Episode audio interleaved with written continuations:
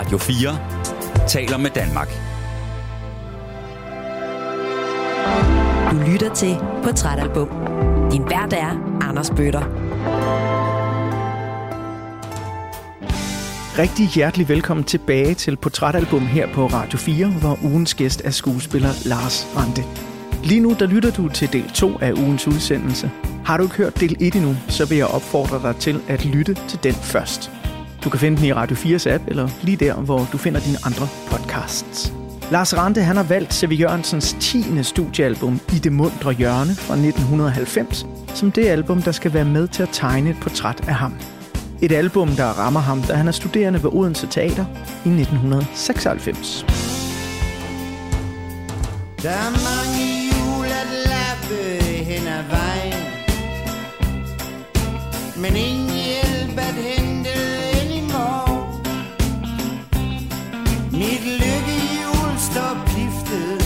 kommer ikke ud at køre mere.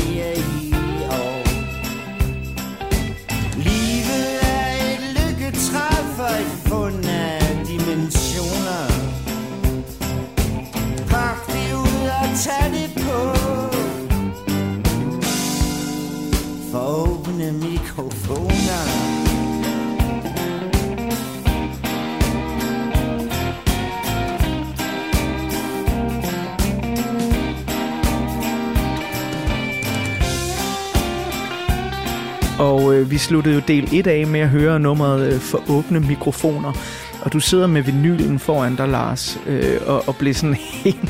Ja, jeg vil næsten sige, øh, benene blev faret væk under dig, da du læste noget af den der tekst igen. Mm. Ja, altså tomheden råder i stort og i småt, og ungdommen færdes på krykker.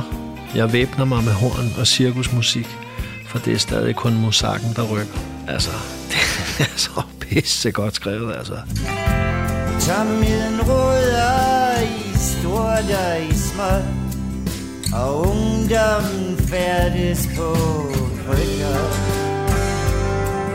Jeg væbner mig med horn og cirkusmusik For det er stadig kun musak, der rykker.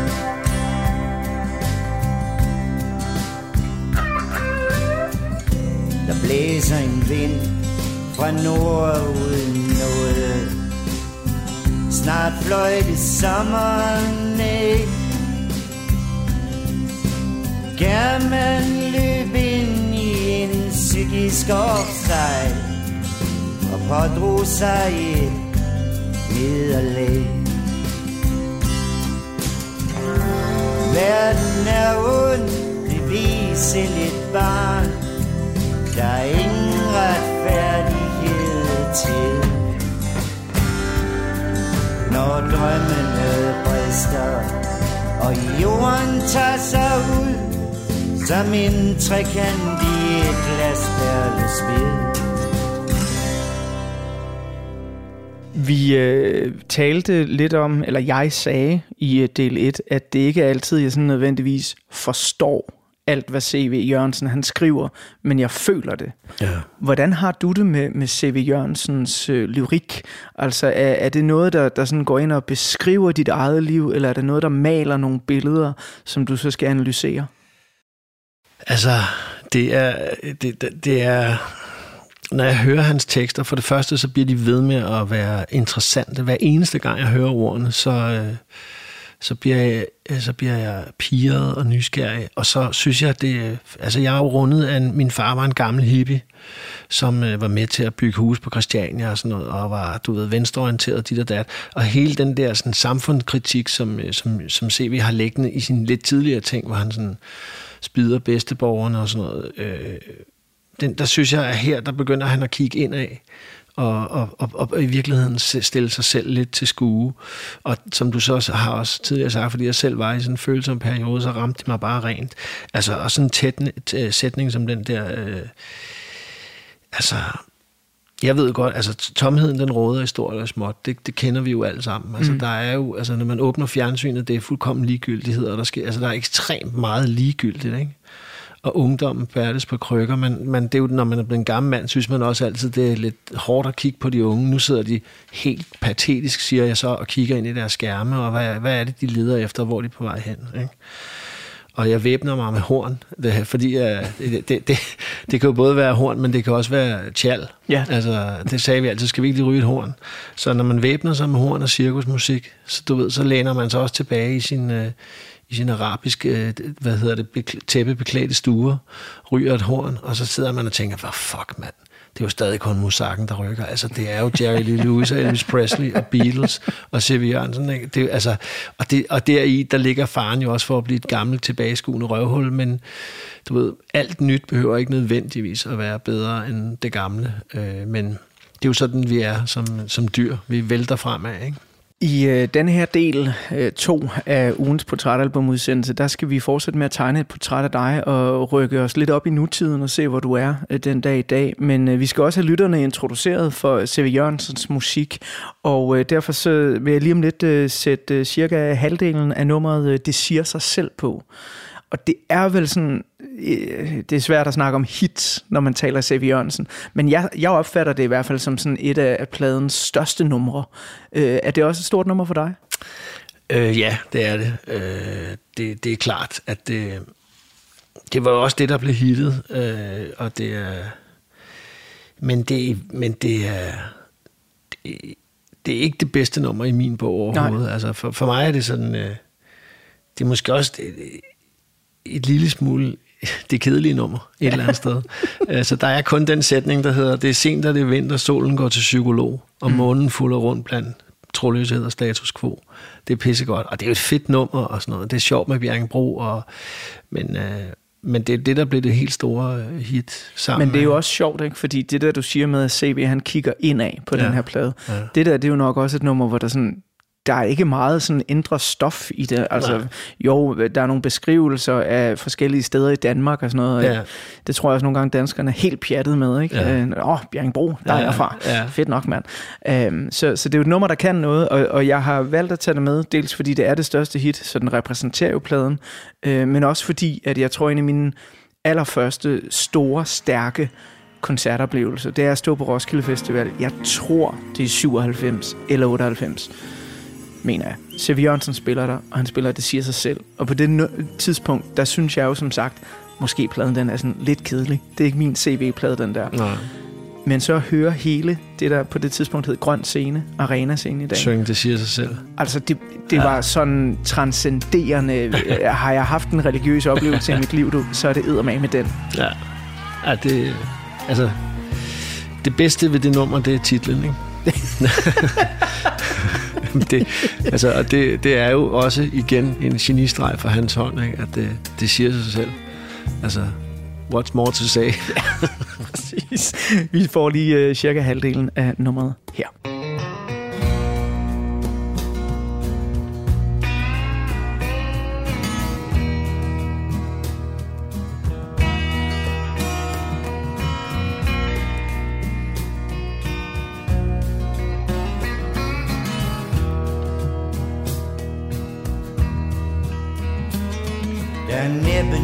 Der svinger Som Bjerringbro by night.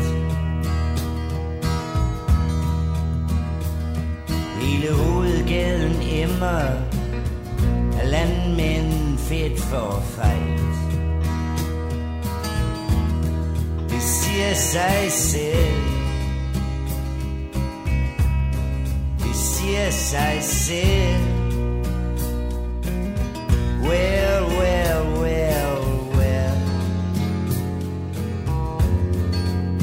Det siger sig selv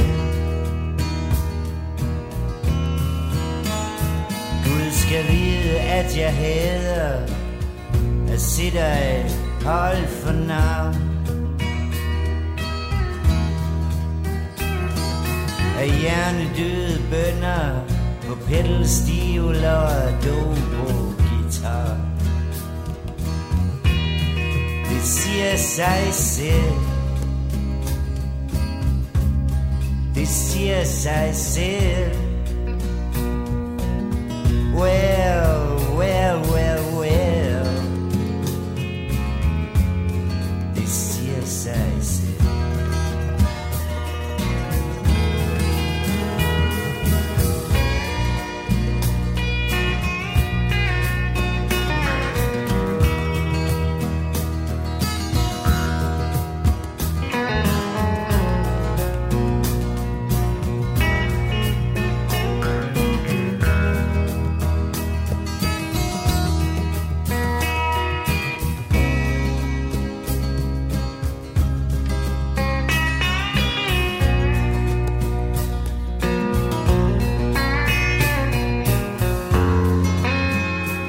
Det her, det var lidt af, det siger sig selv. Øh, måske ikke det bedste nummer på pladen, men i hvert fald det store hit, og øh, et øh, nummer, der i den grad repræsenterer i det mundre hjørne. Og Lars, øh, i del 1 af ugens udsendelse, der fik vi jo nogle gode beskrivelser af dels, øh, hvor du voksede op, ude på urbanplanen øh, på Amager, og øh, med en, især en dejlig øh, hippiefar, og det lød som noget, der var trygt og godt, og du var en, øh, lad mig kalde dig en lille spredbasse, øh, med god fysik, og øh, i del 1, der lander vi jo så i 1996, mm-hmm. hvor du er studerende ved Odense Teater. Mm-hmm. Og vi fik en god beskrivelse af, hvordan du måske lærer det rige indre liv mere at kende, ja. øh, end kun det ydre store. Du kommer fra øh, en karriere som skibums, der har været fem år, da du lander på øh, Odense Teater. Ja, det var dengang, det hed dannelsesår. Ja, præcis. Og det er jo ungdomslars. Det er ja. sådan øh, en, en små 27. Så nu kan jeg jo så pla- passende bladre op på øh, den næste side af portrætalbummet og begynde at tegne et lille portræt af dig i øh, 2023. Og hvis vi nu tog et polaroid-foto af, hvor vi sidder nu i din egen stue med guitar bag dig, og vi lige træder to skridt tilbage og kigger på det her billede af dig. Hvem er Lars Rante så i 2023? Ja, det er sgu et godt spørgsmål, Anders. Hvem fanden er jeg? Altså, det er jo noget, man altid beskæftiger sig med. Ja, så jeg tror måske, jeg er et, øh, jo et menneske, der står midt i livet. Øh, et menneske, der har... Der har lige, min datter er lige blevet student, blevet 20 år. Min far døde for nogle år siden øh, af Alzheimer. Øh, jeg har en hustru, som jeg elsker overalt på jorden. Og jeg er et menneske, som øh, har, synes jeg, også haft min midtlivs øh, krise. Krise er sådan et stort ord, men i virkeligheden, jeg synes, krise er i virkeligheden et forkert ord, fordi det er helt naturligt, at når man rykker yderst på bænken og bliver det højeste træ i skoven, øh, og man har krydset alle de der sådan store bokse af karriere, børn, familie, så øh, opstår der jo en form for øh, øh, ikke tomhed, for det er også et, et negativt lavet ord, men der opstår tid til eftertanke. Og, øh, og, og der har jeg været, der, det er der, hvor jeg er nu. Øh, og det er også en tid, hvor man kan, i stedet så kan man sige, at jeg synes også bare, det hele er noget lort, og så kan man sidde og se fjerner, og, og, eller også så kan man sige, nu, nu skal jeg i gang med den sidste, eller den næste del af mit liv, som er noget med at blive ældre, og forhåbentlig aldres med ynde øh, forhåbentlig blive, øh, få en større indsigt i og en taknemmelighed over øh, livets øh, underfundighed. Blive, øh, gør, blive bedre til at gøre de ting, der gør mig glad, øh, sammen med de mennesker, jeg elsker. Og, øh, og måske sprede noget kærlighed og noget god energi og gøre noget godt for andre mennesker. Og har du været for dårlig til at gøre de ting, der gør dig glad? Nej, jeg har bare haft travlt med at blive øh, skuespiller og far og voksen. Og øh, det, det, det underlige er, at man tumler rundt i en brænder som ung, og så møder man en eller anden krampe, som man bliver forelsket i. Og så går der to øjeblikke, og så har man pludselig børn og trailer og børneorm og flyverdragter og og så går der pludselig 20 år, og man tænker, what the fuck, altså hvad er der sket på musikscenen siden øh, 96, apropos, ikke? Altså, så du ja. ved, der er ligesom, der, der, der er jo nogle ting, der rammer en der med, og, øh, og så står man pludselig på den anden side, og, og der, der er der helt klart noget, der skal gøre status for anden gang, øh, og det er der, jeg er nu, men jeg føler mig meget, meget glad, og, og, og jeg har det godt, og jeg har en vidunderlig øh, Christine, som er min hustru, vi... Øh, har virkelig godt forhold, og øh, har nogle dejlige børn og nogle gode venner, så jeg, jeg, jeg er fandme glad, øh, og jeg er især glad for, at jeg er begyndt at spille musik og udgive. Så jeg synes, jeg er et godt sted. Jeg læste mig frem til, at øh, der er et år, jeg tror, det er ikke så lang tid siden, men hvor du var med i sådan noget fem, syv forskellige tv-serier på ja. et år. Ja. Øh, og oh. de er jo naturligvis ikke indspillet samtidig, fordi det er nærmest ikke fysisk muligt, men det er jo ret meget arbejde kondenseret, og det er ret meget eksponering mm. af Lars Rante. Mm. Lige fra kriger til badehotellet. Meget, meget, meget forskellige roller. Ja. Øhm, kan du godt frygte, der hvor du er nået til i dag, at du kan blive overeksponeret, og folk lige pludselig er sådan, nu gider vi sgu ikke se på ham mere. Telefonen det, det, stopper med at ringe. Ja, den frygt ligger der jo altid. Det, det er klart. Øh, altså, jeg tror måske, at øh, som igen fordi jeg, jeg har været så heldig at få lov at spille mange forskellige roller, så har jeg bedre kunnet på en eller anden mærkelig måde øh, slippe afsted med det. Men det er klart, jeg sad faktisk og tænkte lidt over det her den anden dag, at øh, nu har jeg lige lavet en vidunderlig film med Christina Rosendal, som kommer næste år, som jeg glæder mig meget til, og der, som var sådan en meget mere alvorlig og dyb film. End, og det kan godt være, at jeg måske skal øh, begynde at være en lille smule mere selektiv. Øh, ikke fordi jeg, jeg har altid haft det sådan, jeg gider ikke være sådan en skuespiller, der kun gider lave noget fint. Altså jeg, jeg synes godt, man må, jeg har det til sådan, det, det, det, det er jeg bange for, men så gør jeg det, det du ved. Men, men det har også noget med kræfterne at gøre. Jeg måske i virkeligheden skal øh, lave lidt, måske lidt færre ting. Øh, men i virkeligheden også bare fordi, jeg skal bruge længere tid på at komme mig. jeg har ikke så mange kræfter mere, som jeg havde, da jeg var 27. Men altså Lars, øh, som CV vil sige, det siger sig selv. Ja, Ikke? Øh, så jeg tror lige, vi skal have en lille smule mere af det nummer. Det siger sig selv Det siger sig selv Well, well, well, well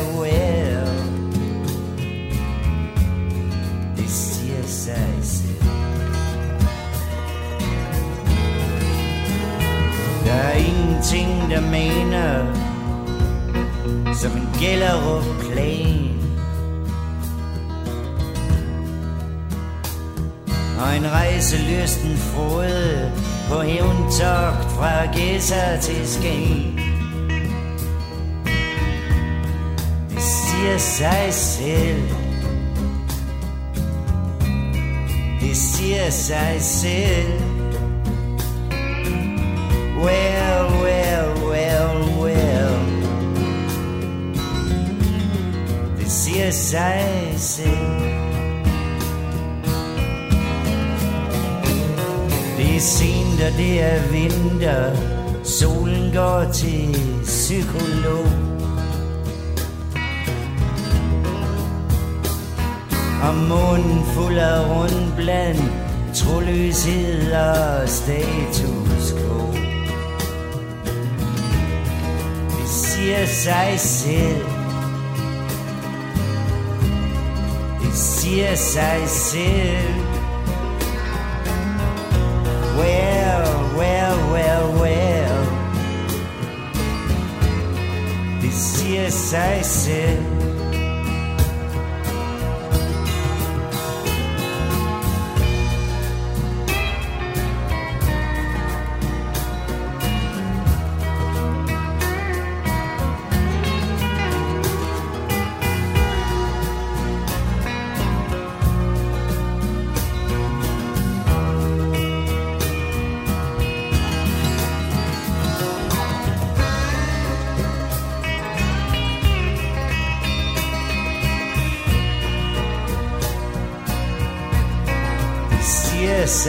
sig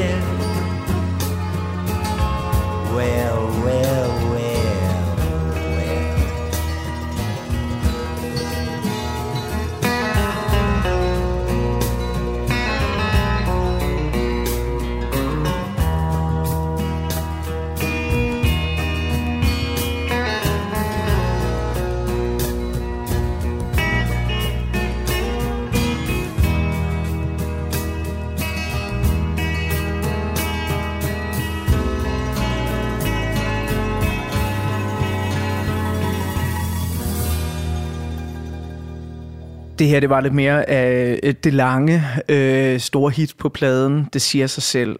Vi kom fra en snak om, Lars, øh, hvad der sker, hvis nu telefonen holder op med at ringe en dag. Det er jo noget, alle skuespillere tænker over, øh, tænker jeg.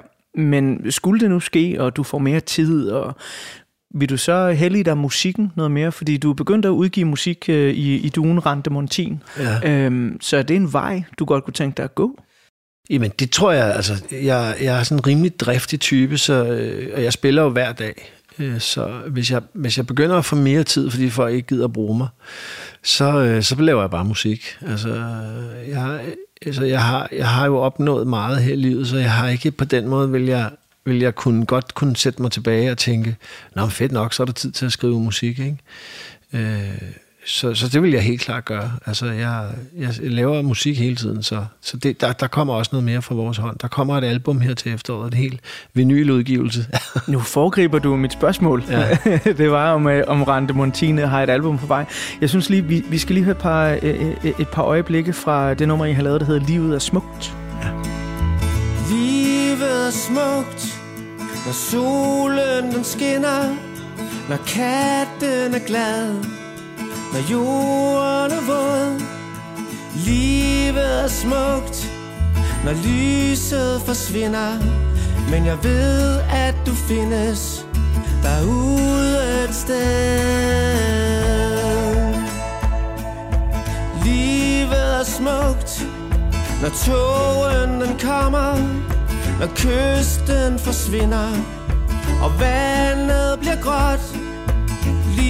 Livet er smukt, når alle de minder, der minder om kvinder, de minder om dig.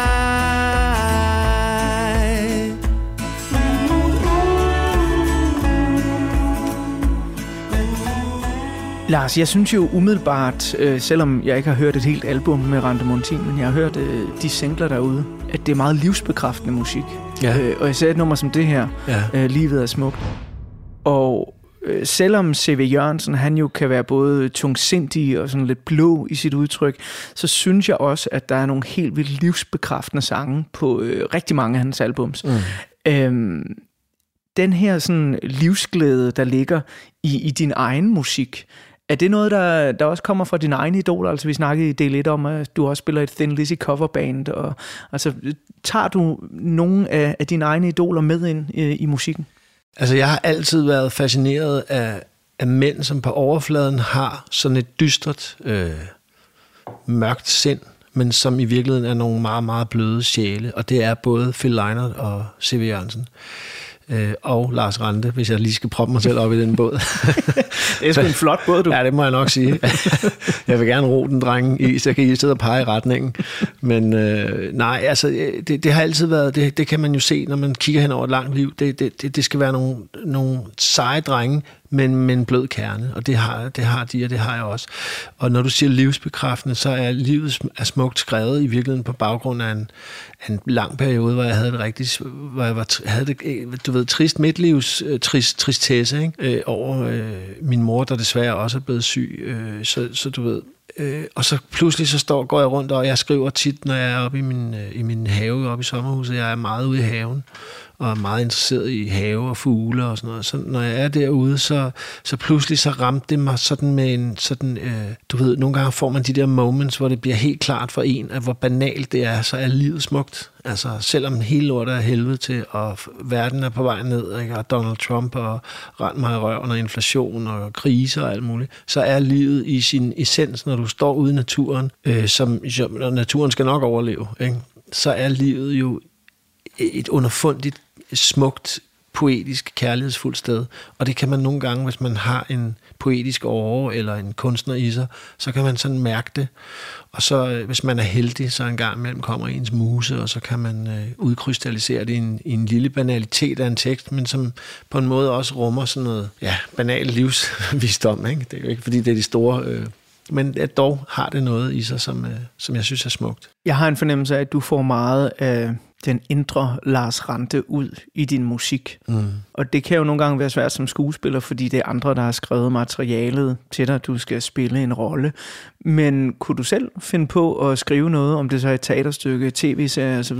Nej, det interesserer mig ikke. Altså, det, der interesserer mig, er musik. Altså, det, det, altså, det, det er helt klart lyrikken og musikken. Der er, det er der, hvor, jeg, hvor det føles som om, at det er der, jeg kan udkomme. Jeg har ikke øh, sådan en eller anden historie. Jeg bliver alt for omstændeligt at skulle sidde og, og hvad hedder det, og digte en lang fortælling. Det, det, jeg elsker, elsker teater, jeg elsker filmens kunst, men det er ikke min øh, metier.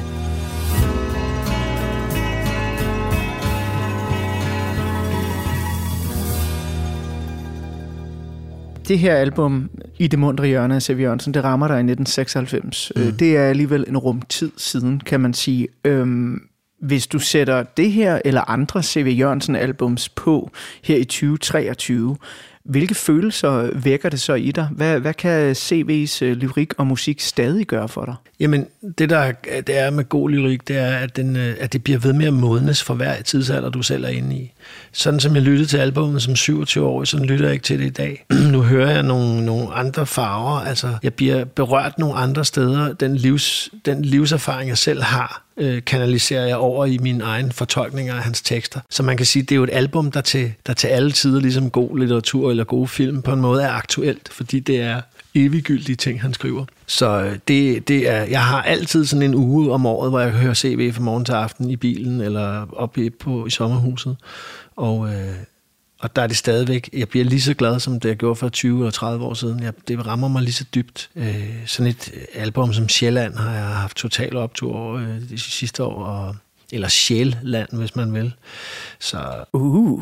Ja, ja, jeg synes bare, han er, for mig er han øh, sådan, øh, han er bare den der, han er den anden storebror. Den ene det er Phil Leinert, og den anden er C.V. Jørgensen. Øh, så når jeg har brug for at snakke med min danske storebror, så lytter jeg til C.V. Og hvis jeg vil en tur til Ireland, så lytter jeg til, til Phil Leinert. Lars, øh, i del 1 af ugens udsendelse, der tegnede jeg jo portrætter af sådan verdens gang i 1996, hvor du støttede ind i det her album, og musikåret 1996. Så vi ved jo allerede lidt om, hvad der sker ude i verden i øh, det her år, hvor du forelsker dig i, øh, i det mundre hjørne. Men øh, nu der vil jeg lige om lidt bladre op på den næste side af portrætalbummet, og øh, så tegne et lille portræt af C.V. Jørgensen og øh, i det mundre hjørne. Så kære dig, der lytter med, hold på hat og hijab, fordi her der kommer der en øh, overflyvning over C.V. Jørgensens karriere, som jeg skal forsøge at gøre kort. Men vanen tro, så lykkedes det nok ikke.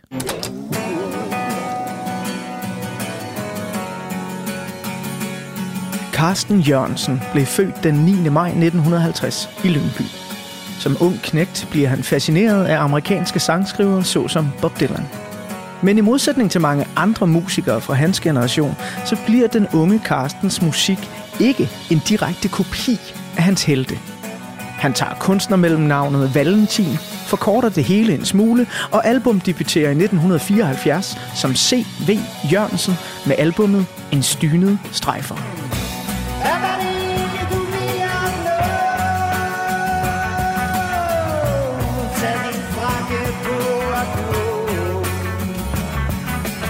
Men selvom åbningsnummeret Sort Vinter er et fremragende stykke dansk musikpoesi, så gør C.V. Jørgensens albumdebut ikke det store væsen af sig.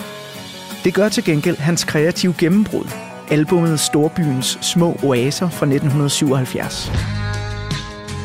Her får C.V. Jørgensens tekster det vid, det bid og den charmerende samfundskritiske sarkasme, som han senere er blevet så kendt for. CV spiller på det her tidspunkt sammen med guitarist Ivan Horn, bassist Erik Falk og trommeslager René Wolf. En vigtig konstellation af musikere, som bliver kaldt for det ganske lille band. Storbyens små oaser indeholder flere af CV's første store hits, såsom Bellevue og Entertainer. Du har svar på næsten alting At den lemliggjorte det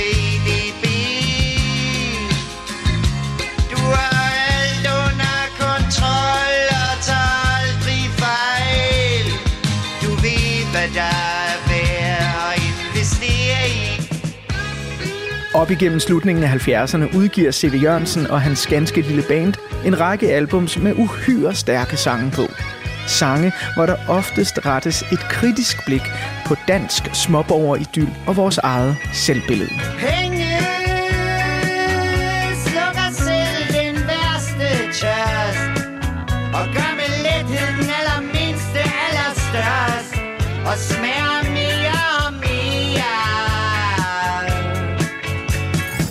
Den mest kendte af de samfundsrevsende sange, Costa del Sol, udkommer på det lidt mere poppede, men voldsomt populære 1980-album Tidens Tern.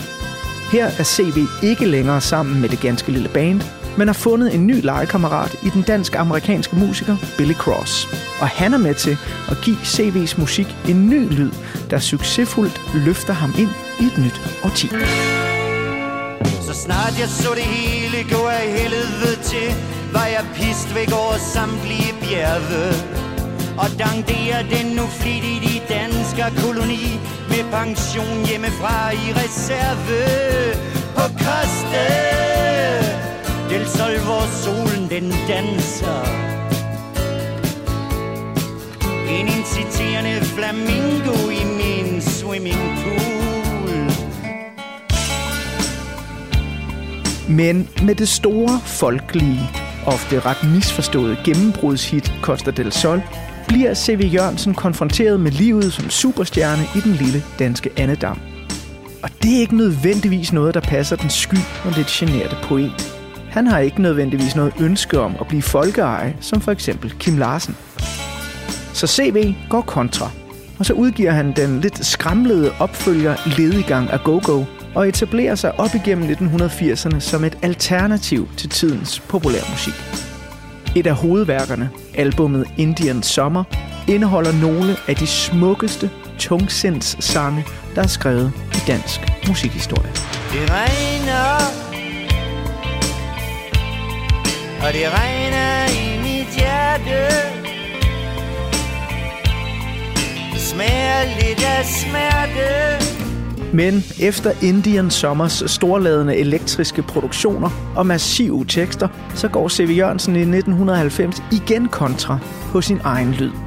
Hans 10. studiealbum I det mundre hjørne er mere nedbarberet, primært akustisk, og så er den optaget ned i hans egen kælder. Og det er måske også det C.V. Jørgensen-album, hvor han starter med at kigge indad, og hvor han sender flest musikalske hilsner til sin gamle helt, Bob Dylan. Jeg kendte engang en maler Hvis initialer var noget med eller å I det mundre hjørne fra 1990 bliver C.V. Jørgensens sidste regulære rockalbum. Og han har faktisk kun udgivet to studiealbums siden. Det i sin samtidig udskældte 1994 mesterværk Sjælland, der fik alle Danmarks rockdinosaurer til at forbande Kasper Vindings elektroniske produktioner langt væk. Og så også det solide 2002 comeback-album Fraklip fra det fjerne, hvor C.V. Jørgensen igen dyrker livets langsomme blågrå toner. Skygger på et skråplan Men uden C.V. Jørgensen hyldes den dag i dag som en af dansk musiklivs mest unikke sangskrivere. En måske lidt sky musiker og genert lyriker, der altid har gået sine egne veje, og oftest virker fuldstændig ligeglad med at være en del af den store kommercielle musikbranches parnas. Om det er C.V. Jørgensens ord eller melodier, der betyder mest for ugens portrætalbum, gæst øh, skuespiller Lars Rante, ja, det fortsætter vi med at snakke om her i del 2 af ugens udsendelse. Først så skal vi dog lige høre albumets korteste nummer. Den utrolig smukke Tiderne skifter. Tiderne de skifter baby Og solen går sin gang Natten er næsten for lang til stjerneræser fulde man sang. Tiderne de skifter baby Og solen går sin gang. Natten er næsten for lang. Til stjerneræser fulde man sang.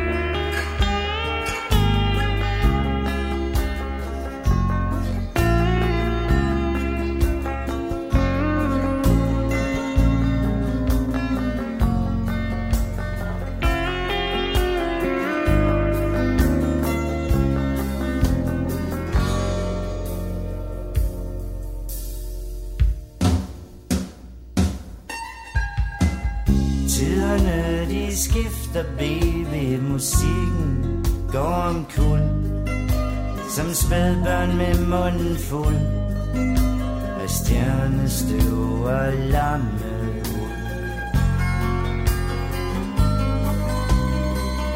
Tiderne de skifter baby Musikken går om kul Som spædbørn med munden fuld. Af stjernestøv og lamme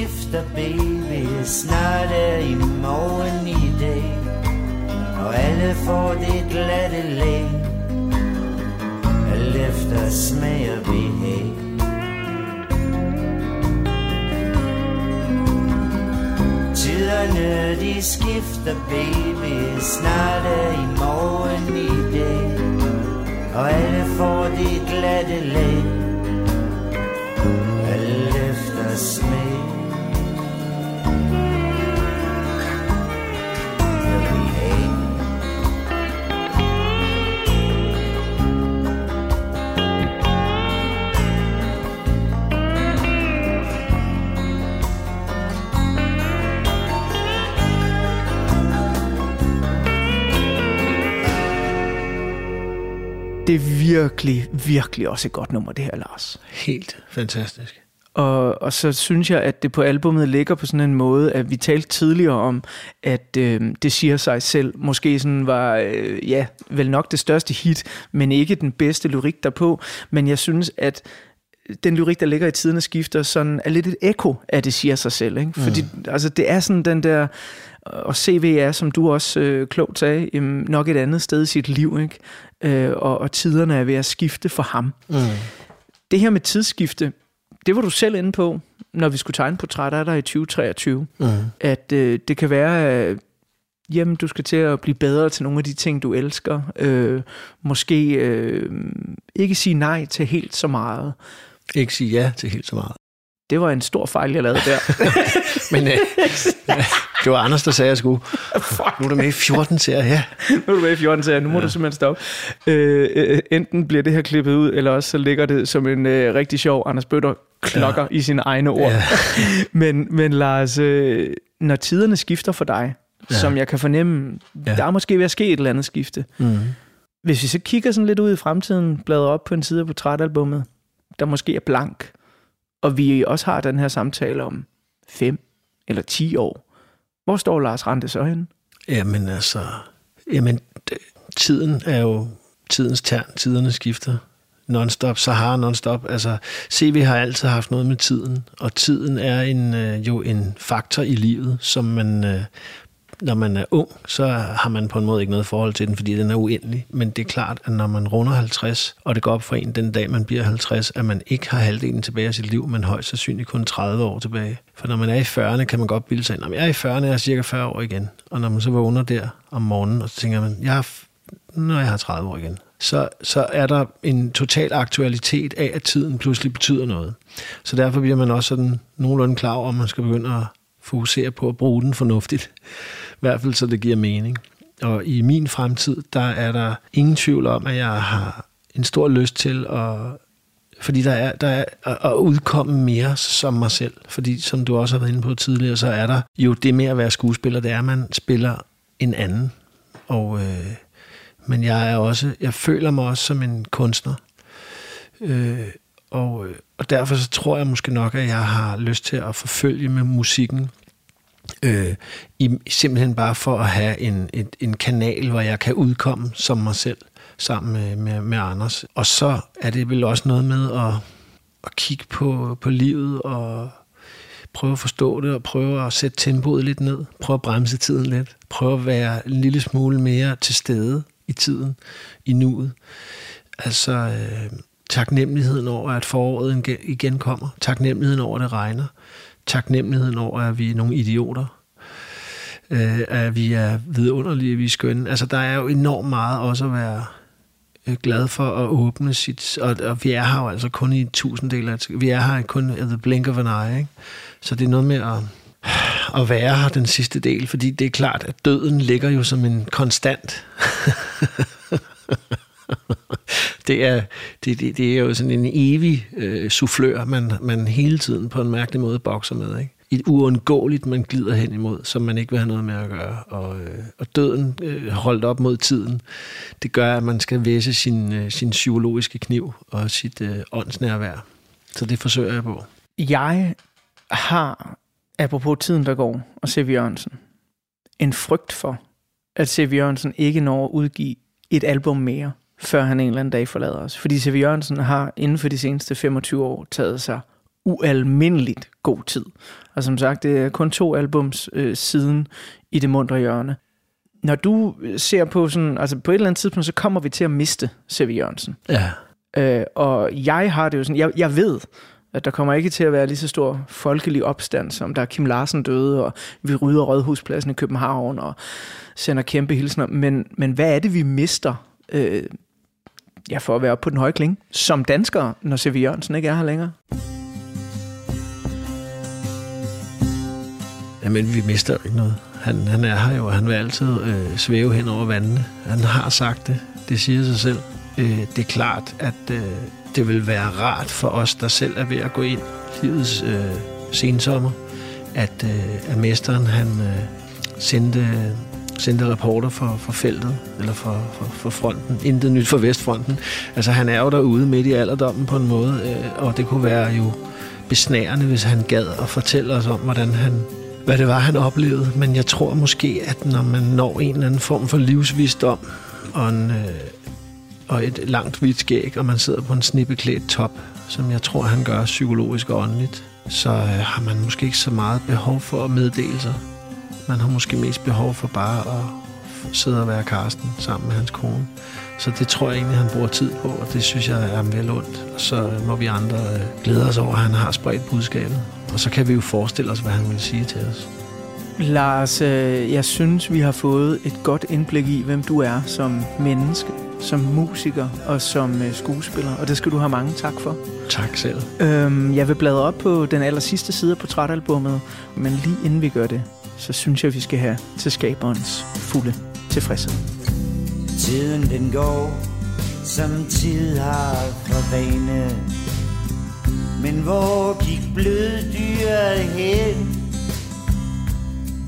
Da kult leder german for nyere hygge Viste sig på scenen igen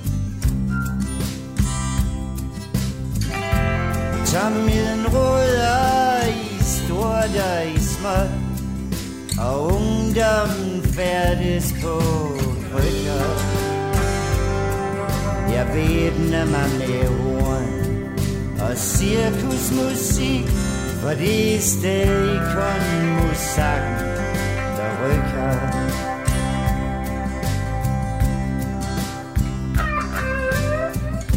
Der blæser en vind fra nord uden noget.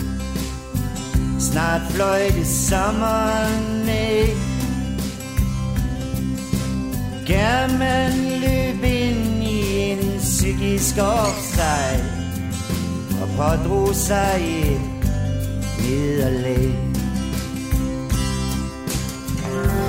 Verden er ond, det viser lidt barn. Der er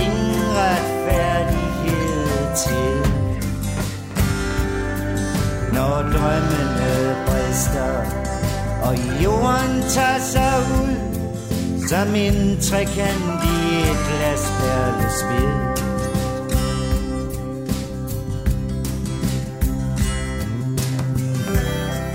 Altså de der ting, han skriver, ikke? Altså, han på den, i, i, i anden vers skriver han, at verden er ond. Det ved selv et barn. Der er ingen retfærdighed til, når drømmene brister, og jorden tager sig ud som et trekant i et glasperlespil. Det har vi altid trippet over. Hvad fanden er en trekant i et glasperlespil? Man ved det ikke, men man forstår godt. Det er et eller andet, der ikke helt... Uh, der er noget omkring optikkerne og måden verden ser ud på, som man ikke kan forstå. Og så skriver han i næste uh, sætning. Livet er lykken, når himlen er blå, når sommernatten tager sig ned. I ed når solsorten synger solen i sænk til skaberens fulde tilfredshed. Altså han er på det ene tidspunkt i total livstvivl, eller hvad fanden er det, der foregår, og så står han oppe i sin have, solen, og så synger solsorten, og så ved man, nå for helvede mand, det er ikke andet end det. Det siger sig selv. Dagen går, som dage plejer. Sandhedens time er nær German gik flere gange rundt om sig selv På udkig efter alt vejr Livet er lykken, når himlen er blå. Når sommernatten tager os igen. Og når solsorten synger Solen i sengen til skabers fulde tilfredshed.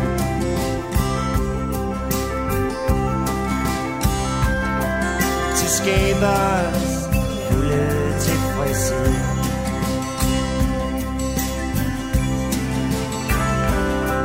Til skabers fulde tilfredshed. Det er jo der, vi har noget af essensen af en af de største nationale skjalde, vi har haft i Danmark, og kunne gøre det i samme sang. Ja. Være i tvivl om altså livets afgrund, der åbner sig foran en. Ja. Og finde ud af, det skal hele, det skal nok gå for solsorten, den synger.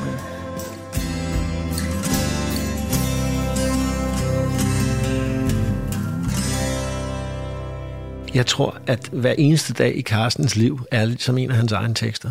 Jeg tror, han gennemgår, ligesom vi alle sammen gør, alle livets øh, forfærdelige faser og smø, skø, skønne faser. Ikke? Med tvivl og selvforagt og selvhad og accept og kærlighed og øh, vis, livsvisdom og indsigt og taknemmelighed og ydmyghed og kærlighed, alt sammen på en dag. Det er jo poetens øh, forbandede lod, det er, at deres antenner er så sindssygt velfungerende, at alle små mislyde, og dem opfanger de og tager dem ind omkring deres nervesystem. Det er nok derfor, han også har brug for at være så meget alene, og ikke gider at sidde inde på en eller anden klub i byen og spille smart. Ja, øh, eller tale om hans egen musik. Altså, jeg, Jeg, kan virkelig øhm, godt forstå ham. Jeg har haft en stor glæde at, at lave et uh, program, der hedder P6 Beat Elsker C.V. Jørgensen, hvor vi øh, dykkede ned i C.V. Jørgensen i seks timer. Nej, Og vi inviterede ham selvfølgelig. han kom selvfølgelig ikke. Det gjorde han ikke. Nej, nej. Men jeg fik en sms fra ham, Gjorde da det? udsendelsen var slut, Er det rigtigt? øh, hvor der stod, tak, det var dejligt at høre mig selv. Det klarede du udmærket. Det Ja, der er ikke nogen tvivl om, at han er mega selvoptaget. Det der. hvem fanden er ikke det? Ja, hvem fanden er Men ikke det, altså, er selvoptaget og, og, og, og hysterisk og krukket og alt muligt, men han er helt sikkert også en dejlig dreng. Det er han. Han er en sindssygt dejlig dreng. Og ved du hvad, Lars? Det synes jeg også, du er. Og du skal have tusind mange gange tak for, at jeg må komme med her hjem i uh, dit hjem, se på din smukke guitar uh, og dykke ned i uh, en af de uh, danske musikere, som jeg har absolut allerstørst respekt for. Uh, programmet her skal jo slutte et sted, og jeg havde egentlig tænkt sådan... Det kunne være, at man skal slutte med skaberens fulde tilfredshed, men den kom vi så, så glidende let ind i. Så måske er det egentlig bare nærliggende at, at slutte med albumets sidste nummer. Uh, tak for sangen. Er det en god idé? Ja, det er en pissegod idé. Det er en fed måde at slutte et album på, men øh, man har været på en lang rejse, og så slutter han det fuldstændig sådan diskret af, af ikke? Altså, Ja. det er, det er... Og så synes jeg, at øh, han lige får sagt tak til D.A.D. og til Solstol, og så siger han også tak til alle dem, der bar. Jeg elsker, at han ser sine roadies, øh, ved, at han øh, kan ikke stå deroppe og skave sig og spille rockstjerne, med mindre der vælter folk rundt og passer på ham. Og det synes jeg, det fortæller også lidt om, at det er dem, han hylder. Og han hylder også de udbrændte superstjerner. Tak til sangen. Tak for sangen, og en varm tak til sidst. Før vi fro, du immer bist. Kæmpe, kæmpe. Lars Rante, tusind mange gange tak, fordi du var med på Trætalbum. Anders, det var en kæmpe fornøjelse. Fedt mand. Ha' det godt. God sommer.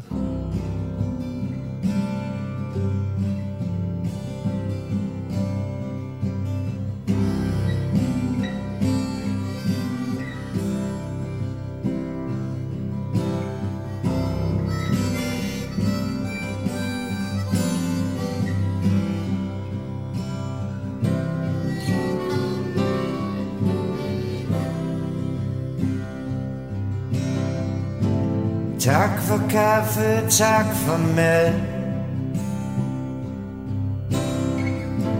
Tak for årgangsvin og boblebad.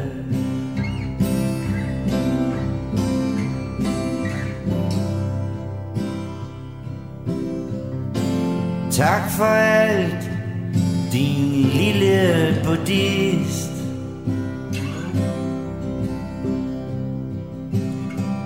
Tak for nu og tak for sidst.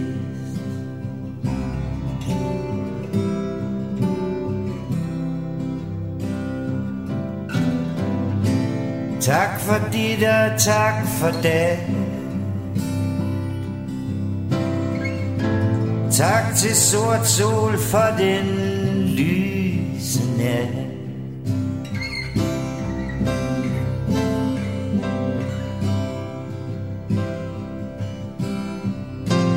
Tak for lån af de der var med.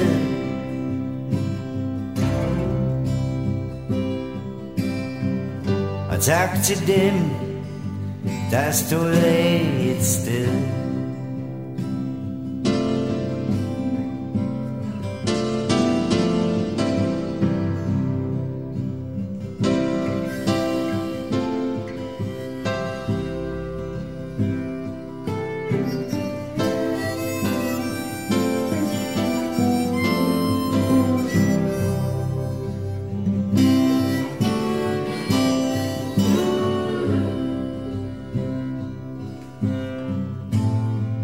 Til alle de, der bare.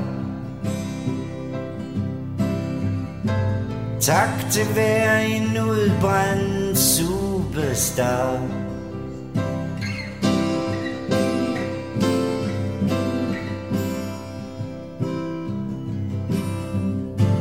Tak for sangen og en varm tak til sig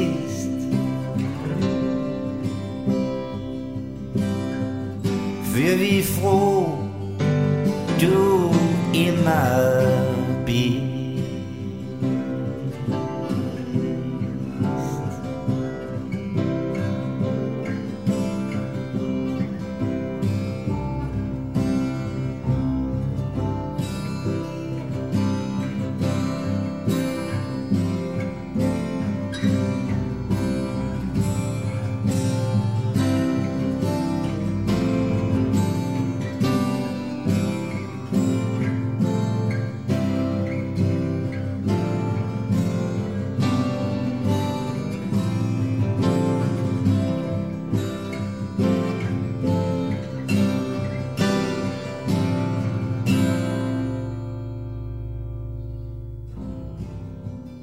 På portrætalbumets aller sidste side, der står der som altid, at portrætalbum er produceret af Tiny Media for Radio 4.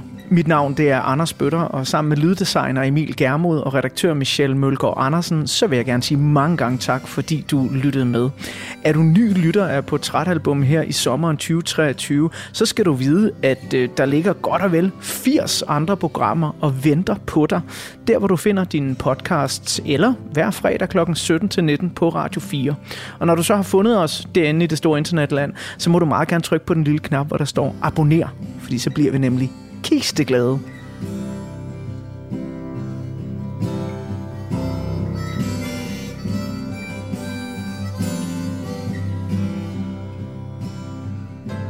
Tak til hver en udbrændt superstar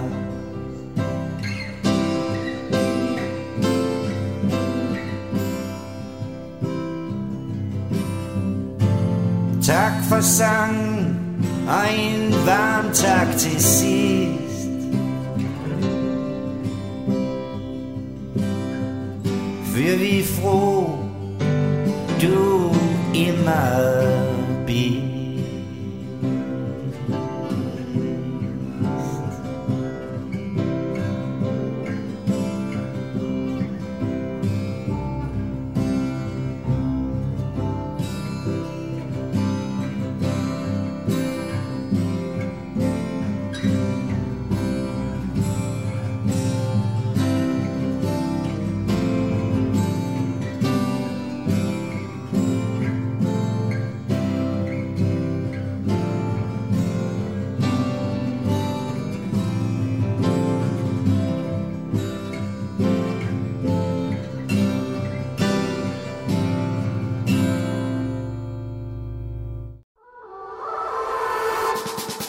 John Paul George Ringo.